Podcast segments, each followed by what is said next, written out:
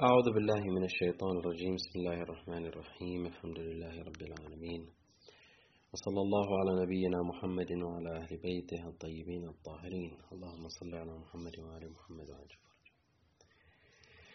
في هذا الدرس المرقم بالدرس السابع آه، في مادتنا فقه الحديث أو مبادئ فقه الحديث تعرضنا لمجموعة من المباحث والتي في الواقع لا زلنا نحاول أن نخطو خطوات في إعطاء تصور حول مادة فقه الحديث إما بشكل مباشر أو آه، موضوعات قريبة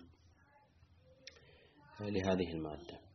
تحدثنا مرور سريع حول ما أخذناه تحدثنا بداية في الفصل الأول حول البحوث التمهيدية تعريف موضوع فائدة فقه الحديث والفرق بينه وبين العلوم آه، علوم الحديث الأخرى وعلاقته آه، ببعض العلوم.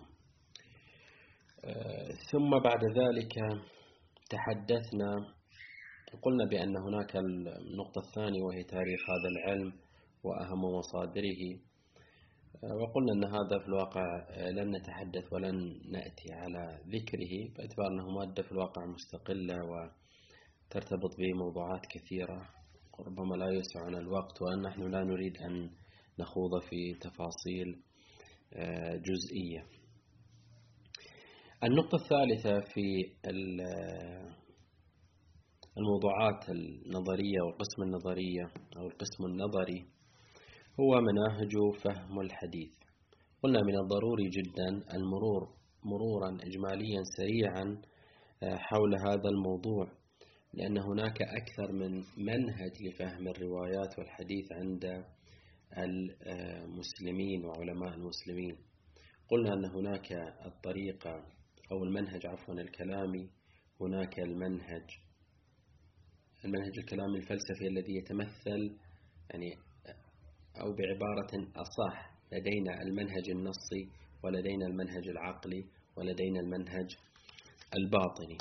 في الجلسة الأخيرة كان حديثنا حول المنهج النصي تحدثنا عن المنهج النصي وما يرتبط به آه، والمعالم والمبادئ الأساسية والرئيسة المشتركة بين كل من يتبنى المنهج النصي في سواء عند السنة أو عند الشيعة وجدنا أن هناك مشتركات في الطريقة في طريقة التفكير ومنهج التفكير النصي في تناول الروايات المباركة وهذا لن نعيده الآن نتحدث عن المنهج الثاني وهو المنهج العقلي.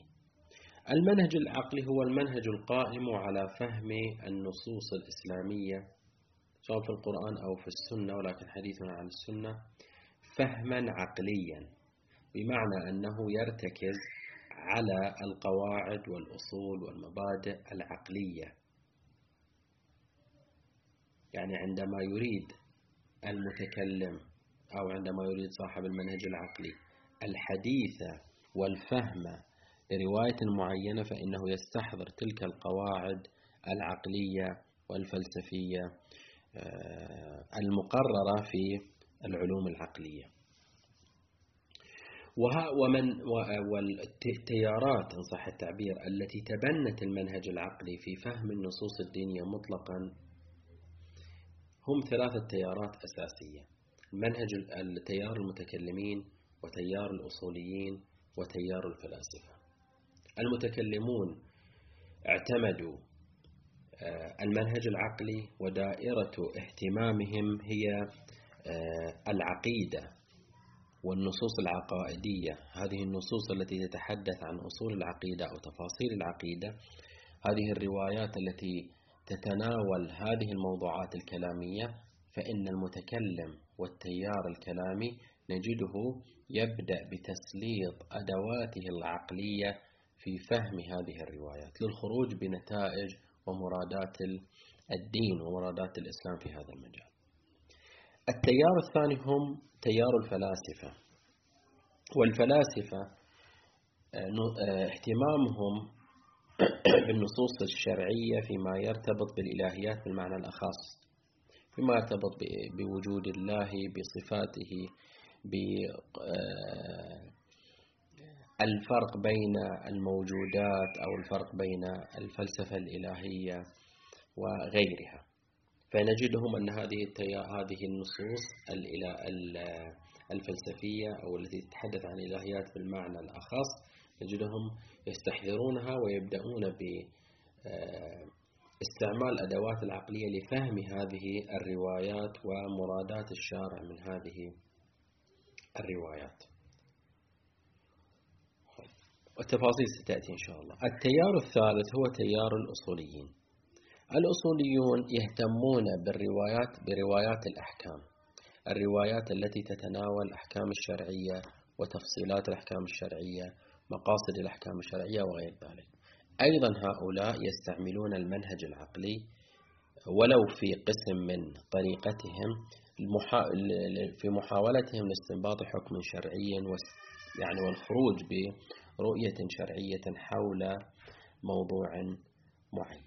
هذه التيارات الثلاثة ربما أهم التيارات الثلاثة التي تبنت المنهج العقلي إما بشكل مطلق أو آه، اعتبرته منهجا رسميا في قراءة النص الديني وخصوص الروايات الآن ما هي المرتكزات الأساسية المشتركة أو القواعد أو المبادئ الأساسية المشتركة بين هذه التيارات الثلاثة؟ نستطيع أن نذكر هنا ثلاث أربعة آه، مبادئ أساسية مشتركة بين هذا التيار العقلي ومنهجه العقلي. أولا يعتبر هذا المنهج العقل هو الدليل الأول في المعرفة. يعني إذا أردنا أن نرتب نرتب أدلة المعرفة لدى هؤلاء نجد أن العقل يحتل المرتبة الأولى في هذا السلم. بمعنى أنه إذا أراد أن يبدأ بملاحظة ومناقشة وقراءة نص ديني نجد أنه يستحضر العقل وأدوات آه، الأدوات العقلية في استنباط الحكم. ومعرفة مراد ومفهوم آه، الرواية. فهو عند الفلاسفة الدليل الأوحد في إثبات المعرفة الفلسفية. وكلاميا هو أول الأدلة بجانب الأدلة الأخرى. أما أصوليا فهو أحد الأدلة في إثبات الحكم الشرعي. إذا للعقل منزلته للعقل منزلته الأولى والمتقدمة في المعرفة. فإذا احتلال العقل هذه المرتبة يعني تقديس معناه أنه مقدم على كل الأدوات المعرفية إن كانت هناك أدوات معرفية معترف بها عندهم. إذا هذه نقطة أساسية في هذه في هذا المجال. نقطة ثانية ومشترك ثاني مبدأ ثاني. هو تقدم العقل تقدم العقل على النقل في حال التعارض. يعني إذا كانت هناك رواية ظاهرها يفهم منه معنى معين ورواية أخرى يفهم ودليل العقل يفهم منه أو يؤدي إلى نتيجة معينة وتعارضت نتيجة العقل مع نتيجة النقل فهنا في حال التعارض فإن أصحاب هذا المنهج يقدمون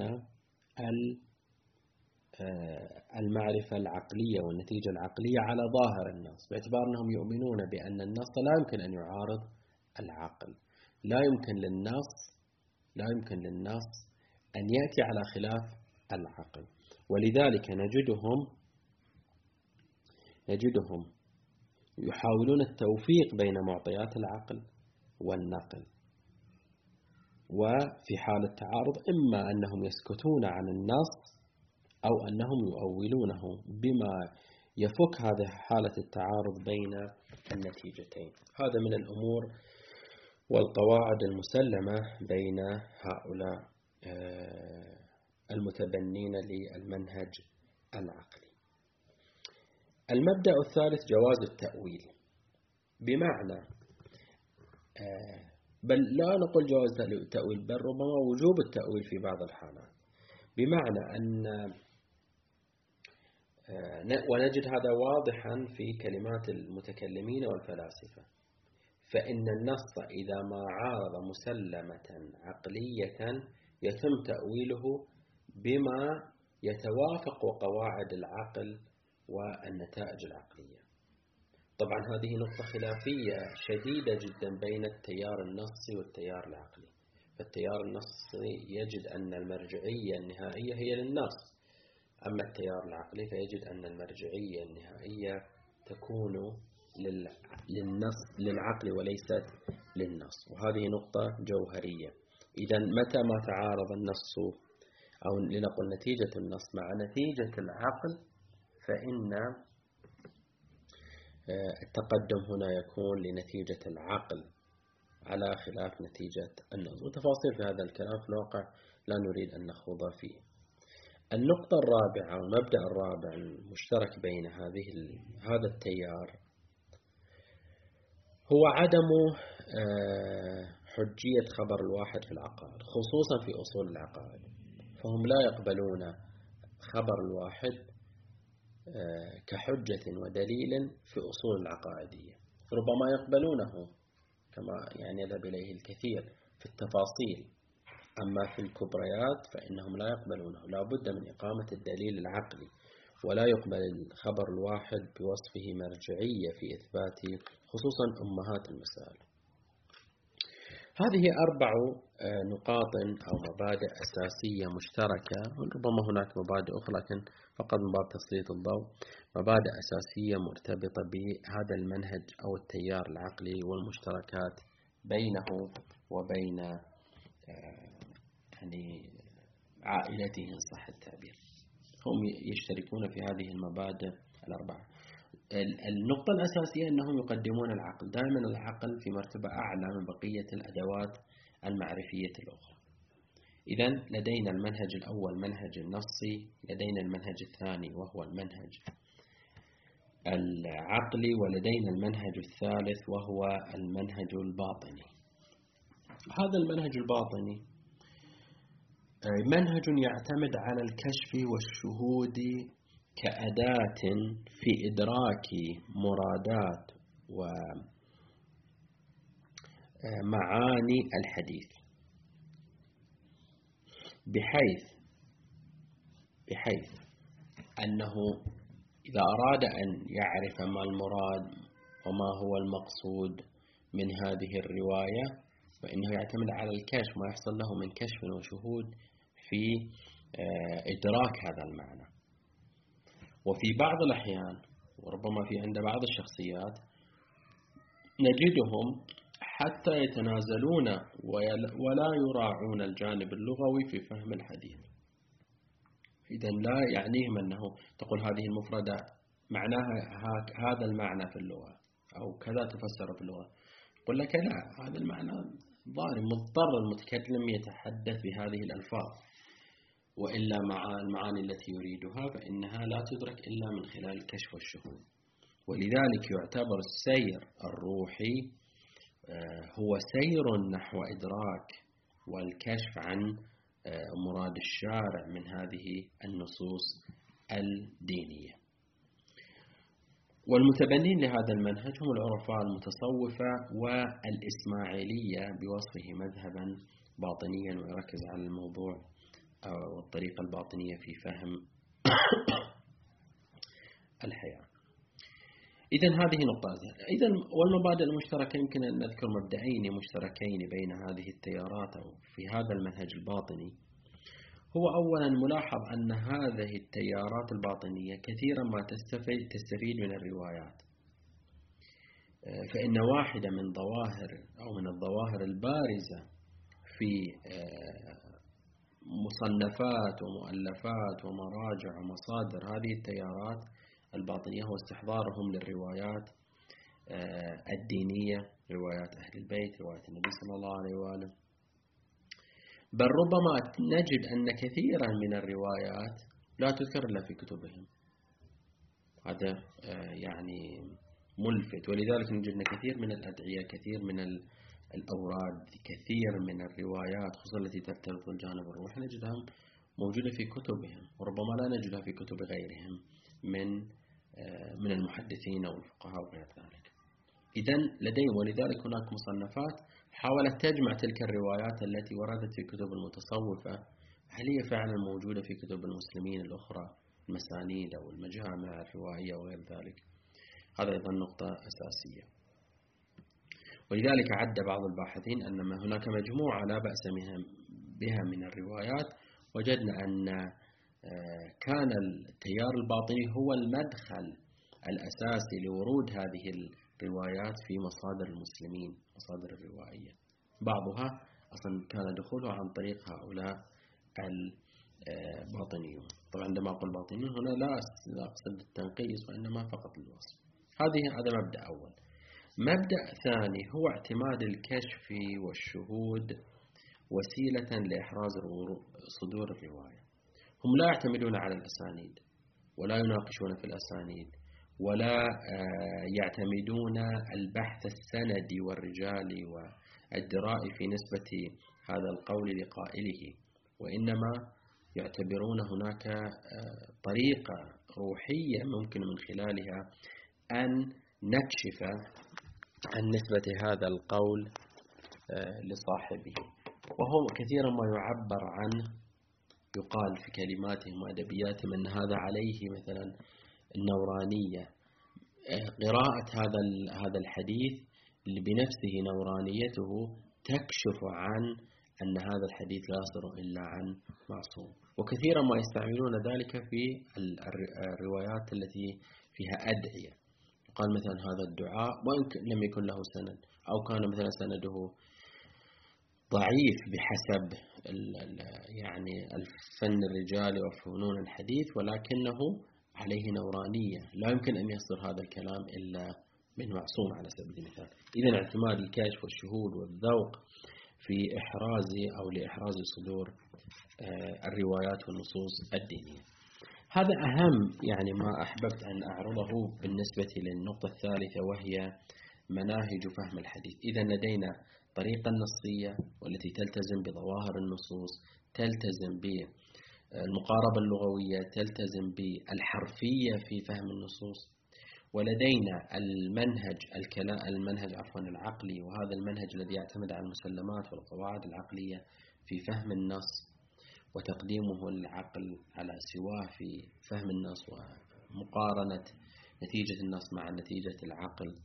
والمنهج الثالث هو المنهج الباطني والذي يراد به آه نعم يراد به الاعتماد الكشف والشهود والذوق آه، الروحي في فهم الرواية نسبة الرواية إلى قائلها هنا نكون قد انتهينا من ثلاثة أبحاث أو بالتحديد من بحثين رئيسين. البحث الأول يعتمد أو آه، آه، عنوانه بالبحوث التمهيدية والبحث الثاني الذي تناولناه بمناهج فهم الحديث. الآن أيضا نقطة أخيرة في هذه البحوث التمهيدية وهي التعريف بأهم المصادر الحديثية عند الإمامية.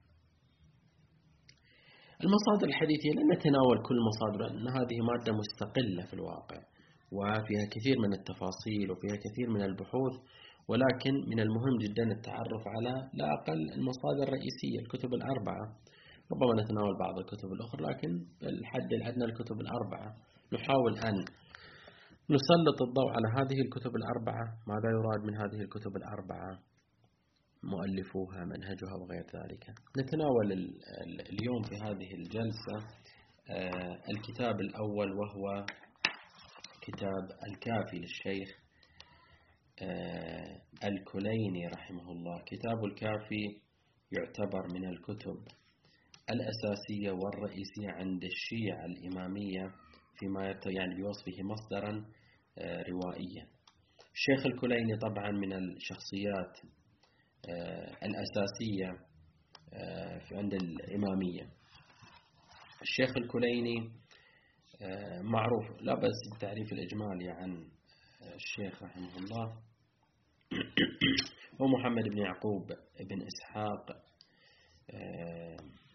الكليني نسبة إلى القرية التي عاش فيها. توفي سنة أما 328 أو 329 للهجرة يعني في القرن الرابع الهجري. هناك خلاف في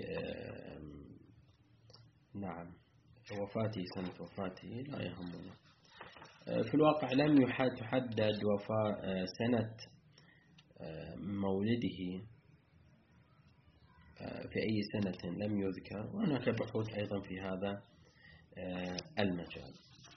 يقال بأنه نشأ وربما ولد في قرية كلين.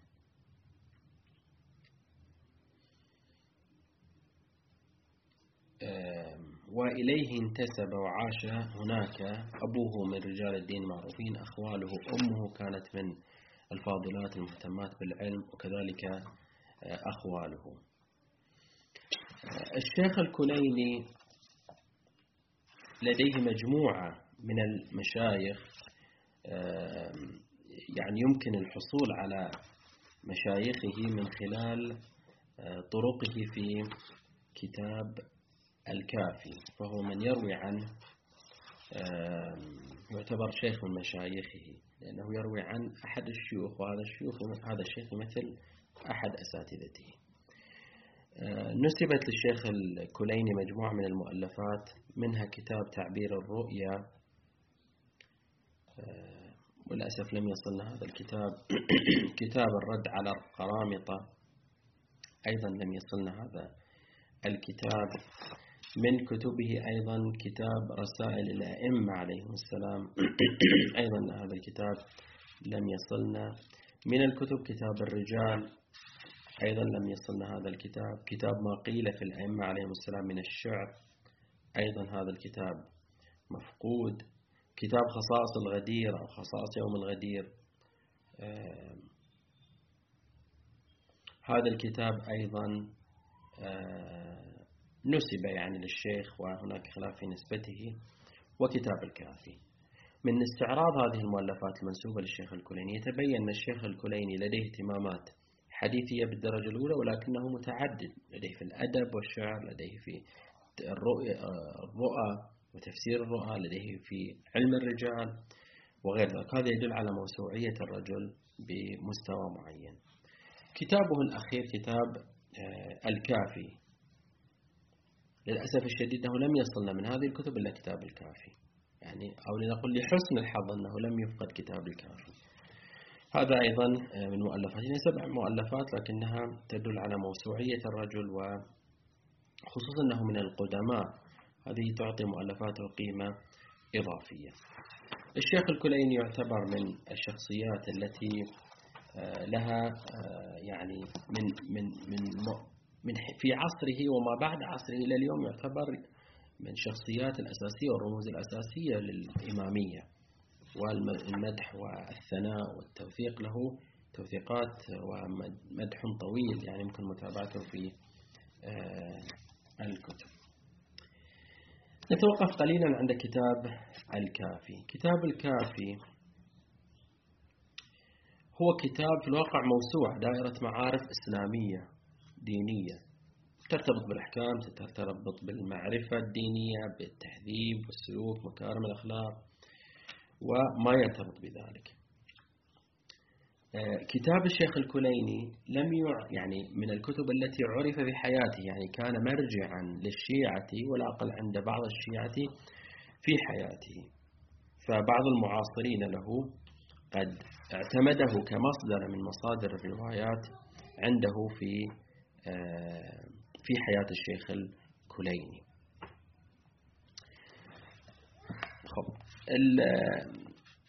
أيضا الشيخ الكليني أيضا الشيخ الكليني أو كتاب الشيخ الكليني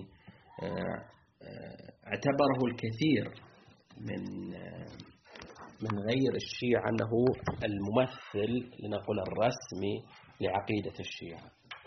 لذلك نجد أن خصوم الشيعة يلزمونهم بما ورد في كتاب الكافي. قال له مثلا هذا ورد في الكافي وما هو موقفك من هذا الشيء. هناك دراسات كثيرة حول كتاب الكافي. من أهم الدراسات يعني أسلوب الدراسات هو محاولة إخضاع روايات الكافي أو لنقل بعبارة أدق أسانيد الكافي للقواعد الرجالية. يعني قسم الكافي عند في بعض المؤلفات إلى هل ما هي الرواية الصحيحة ما هي الرواية الموثقة ما هي الرواية الضعيفة وغير ذلك؟ مثلا في إحصاءات تذكر هنا مثلا تسعة آلاف عفوا أربعة وتسعين ألف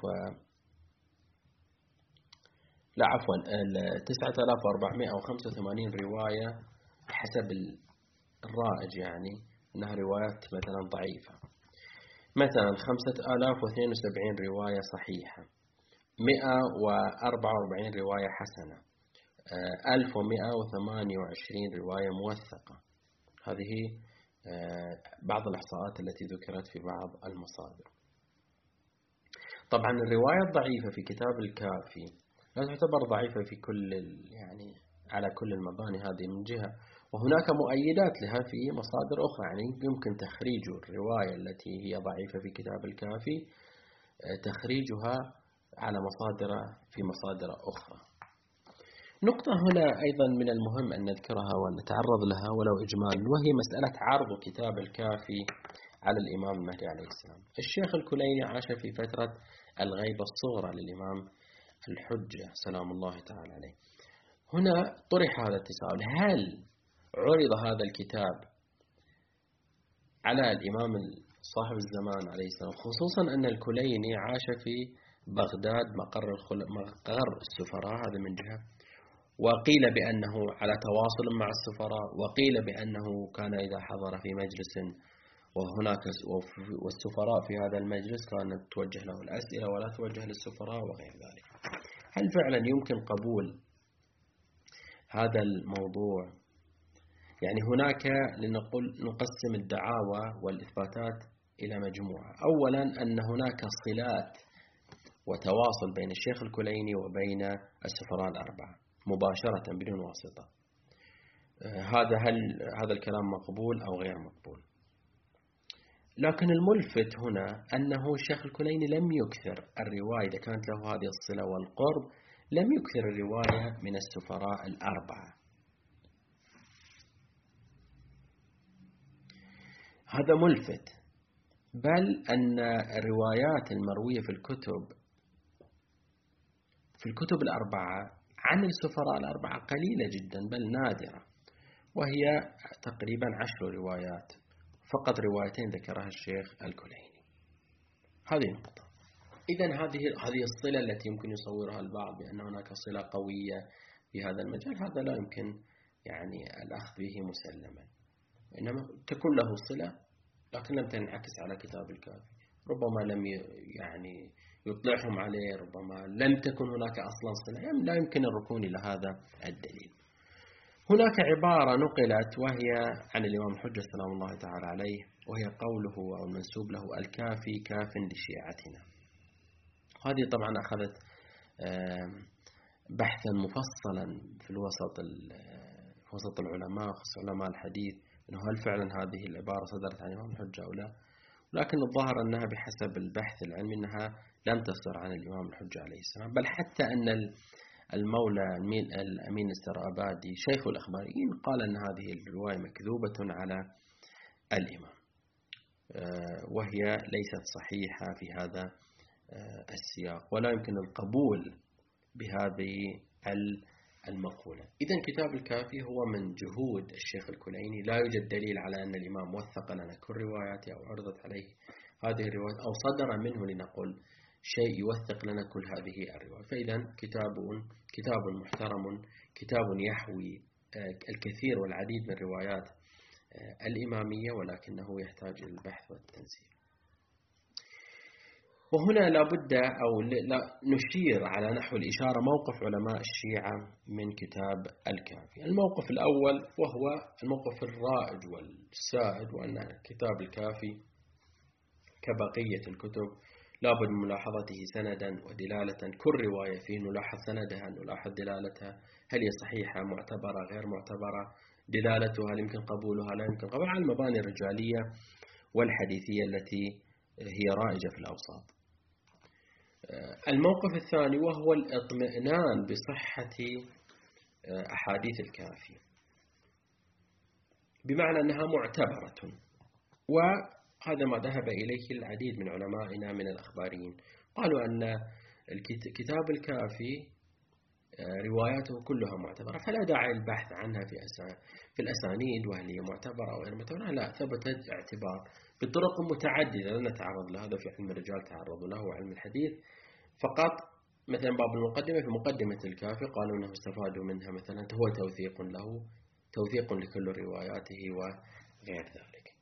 الموقف الثالث وهو الموقف الذي ذهب إليه المتشددون والمتطرفون من علمائنا من الأخباريين والتحديد الشيخ الاسترابادي والخليل بن غازي القزويني الذين ذهبوا بقطعية صدور حديث الكافي عن الأئمة عليهم السلام. وهو في قول مشابه لعلماء السنة القائلين بقطعية وصحة كل ما ورد في الصحيحين على أقل التقدير. وهنا بلغ النقاش أو حدث وقع نقاش بين علماء الإمامية في إثبات هذه الدعوة ونفي هذه الدعوة والمعركة التي استمرت قرنين تقريبا من الزمن في محاولة لإثبات أحد الطرفين لرؤيته بين قطعية الكتب وعدم قطعية الكتب لكن الرأي الذي آه، أصبح مسلما وشبه رسمي في الوسط الإمامي هو أن كتاب الشيخ الكليني كبقية الكتب وأن رواية الكافي كبقية روايات تبحث ويبحث في سندها ودلالتها النقطة الأخيرة في هذا المجال لا بأس أن نذكرها أو ما قبل الأخيرة هي منهج الشيخ في في الأسانيد. الشيخ رحمه الله الشيخ الكليني في كتابه اعتمد آه، طريق ذكر أسانيد مباشرة. لم لم يسر بما سار عليه الشيخ الصدوق أو الشيخ الطوسي. رحمه الله من ذكر المشيخة أو استحداث المشيخة في آخر الكتاب وإنما اعتمد وذكر السند بشكل مباشر يذكر أسانيده بشكل مباشر. وربما في بعض الأحيان يذكر السند الواحد بطرق يعني يذكر الرواية بعدة طرق. أما في نفس السند يقول مثلا على سبيل المثال يقول عن علي بن إبراهيم عن أبيه لاحظوا والحسين بن محمد عن عبدويه وغيره ومحمد بن يحيى عن أحمد بن محمد جميعا عن فلان. إذا هذه ثلاثة طرق للرواية. إذا هذه تحقق الاستفاضة آه، على بعض المباني.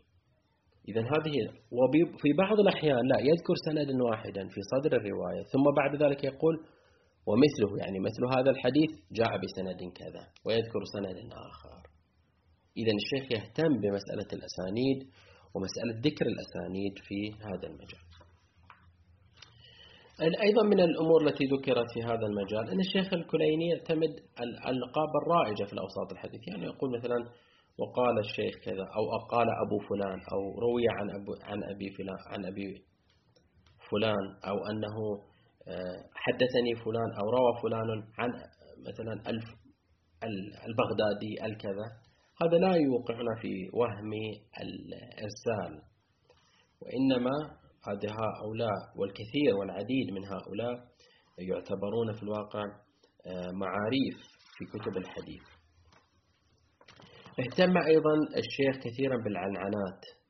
يعني يذكر الفص يذكر العنعنة بشكل آه، كامل لا ينقص. يعني آه، المراسيل في كتاب الشيخ تعتبر نسبيا قليلة. نقطة أساسية ذكر عبارات مثلا عدة عن أصحابنا أو جماعة من أصحابنا وقع بحث في هذه العدة. هل هي معتبرة وليس معتبرة؟ هذا هل هذا إرسال ليس إرسال؟ من هم هؤلاء العدة؟ هل يمكن اعتداد أو اعتبار الرواية التي عبر عنها بالعدة بأنها آه، روايات مرسلة أو لا؟ هذا أيضا وقع بحث في عند علماء الرجال. نقطة أساسية أيضا بأن الشيخ رحمه الله لم يذكر لنا مصادر كتابه يعني لم يذكر في مقدمة كتاب أنه اعتمد على مثلا هذه المصادر. هل هو اعتمد على أصول الأربعمائة؟ هل هو اعتمد على المصنفات؟ هل هو اعتمد على كتب مثلا معينة أو لا؟ الواقع لم يذكر لنا. وهذا بحث ثري كما يعبر بعض الباحثين. هذا بحث مهم وثري جدا. في محاولة اكتشاف مصادر الشيخ الكليني في كتابه الكافي. ما هي المصادر التي اعتمدها؟ لأنه هذا يؤثر هل كانت الكتب الأربعمائة موجودة أو ليست موجودة في عصره؟ لماذا اعتمد مثلا المصنفات أو لا؟ طبعا هذا يتم من خلال متابعة الأسانيد وملاحظة آه، نهاية الرواية عمن ينقل تنقل عن هذه الرواية. هل هو صاحب آه، كتاب أصل أو صاحب مصنف وغير ذلك؟ هذا بحث مهم إذا أحد يتصدى لهذا بحب يعني شيء حرفي. هذه نقطة أساسية. نقطة أخيرة في هذا المجال ونحن نبني على التفصيل في تبويب كتاب الكافي. كتاب الكافي مبوب تبويبا منهجيا منظما مرتبا يعني اعتمد طريقة الأبواب والتوزيع الموضوعي في هذا المجال. قسمه إلى أصول وفروع وروضة. الأصول قسمه ثمانية أبواب واشتمل على 499 بابا. أما الروضة فلم يقسمه أكثر من ذلك وإنما قال هكذا. يعني الأصول اهتم به كثيرا. 499 بابا 26 كتابا وفيها 1744 بابا. أما الروضة لا فقط جاء بهذه الكتاب آه، أو بهذا القسم ما اسمه بالروضة. عفوا. الأصول 400 قسمه إلى 499 هذا الأصول. والفروع 26 بابا وفيها 1744 آه، بابا. 26 كتابا 1744 بابا. الروضة لا. الأصول فيه أصول المعرفة الدينية. الفروع يتحدث عن الأحكام الدينية والآداب أما الروضة فكل ما لا يندرج تحت الأصول أو الفروع طبعا البحث عن كتاب الكافي ومعرفة الكتاب الكافي وملاحظات عليه وغير ذلك في الواقع بحث مادة مستقلة يعني حول الكتب الأربعة والتعريف بالكتب الأربعة والتعريف بالكتب مصادر الروايات عند السنة عند الشيعة عند الفريقين. هذا مادة مستقلة إن شاء الله. يعني يتسع وقت الأخوة لملاحظتها ومتابعتها في مصادرها. قبل أن نقف آه، في نهاية هذه الجلسة أشير إلى مصدرين للمراجعة. المصدر الأول هو كتاب والذي استقيت منه أغلب هذه المعلومات آه، وهو كتاب المدخل إلى موسوعة الحديث النبوي عند الإمامية دراسة بالحديث الإمامي لأستاذنا الشيخ حيدر حب الله في هذا كتابه المعروف. والمنشور. وكتاب آخر أيضا مهم ويعني كتاب الشيخ مدخل لكن الكتاب الآخر هو كتاب تاريخ بالفارسي تاريخ الحديث أو تاريخ حديث للدكتور أحمد باكيتشي هذا الكتاب آه، أيضا كتاب مهم في تقديري ذكر آه، مفاتح أساسية ومداخل أساسية لدراسة الكتب الأربعة وتاريخ الحديث بشكل مجمل هذا أهم المصادر التي لو أحب الأخوة رجوع إليها يمكن الرجوع إليها. أكتفي بهذا المقدار وإن شاء الله في الجلسة القادمة نكمل الحديث عن بقية المصادر. والحمد لله رب العالمين.